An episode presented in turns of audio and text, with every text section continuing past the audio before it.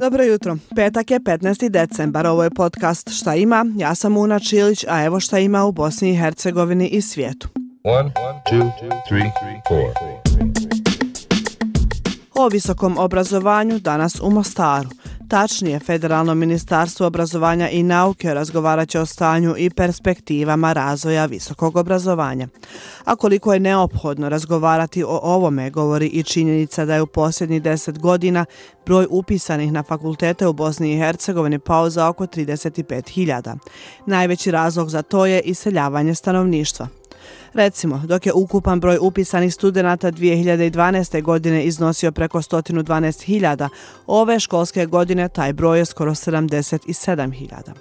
Koliki je problem odlazak stanovništva pokazuju i podaci da je samo u posljednjih 13 godina Bosna i Hercegovina izgubila 12% ili oko 409.000 stanovnika.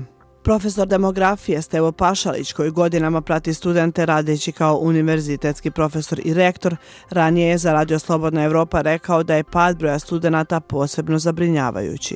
Mnogi odlaze vani posle srednje škole, ne nastavljaju fakulteta. To smanjenje je tipična posljedica demografije. Znači, pad broja stanovnika, pad broja rođenih, ujedno se poveća broj umrli. kad imate manju populaciju, imate onda u svakom kontingentu manju populaciju, pa i tu koju mi zovemo studentska kohorta ili studentska generacija. I nakon jučerašnje najave, od danas su u Federaciji BiH zaključane cijene određenih proizvoda u velikim trgovačkim lancima.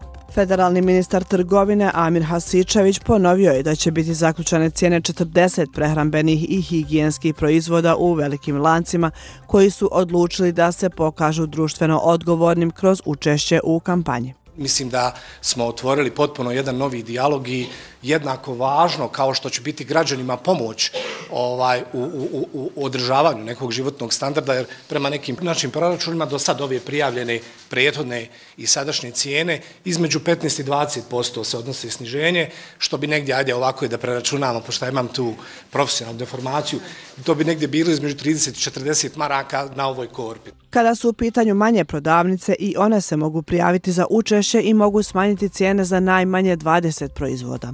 Odabrani artikli bit će obilježeni posebnim logom. Na spisku proizvoda kojima će biti smanjena i zaključana cijena nalaze se dječje pelene, jaja, mlijeko, piletina, riža i brašno kao i drugi proizvodi.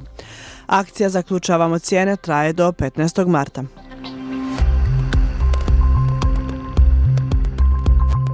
U Sarajevskom ratnom teatru premijera predstave Stotinu malih smrti.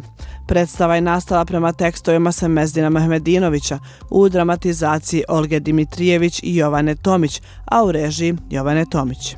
Kako je rekla režiserka, glavni njen cilj kao i cilj dramaturginje Olge Dimitrijević bio je da zadrže bogatstvo Mehmedinovićeve literature.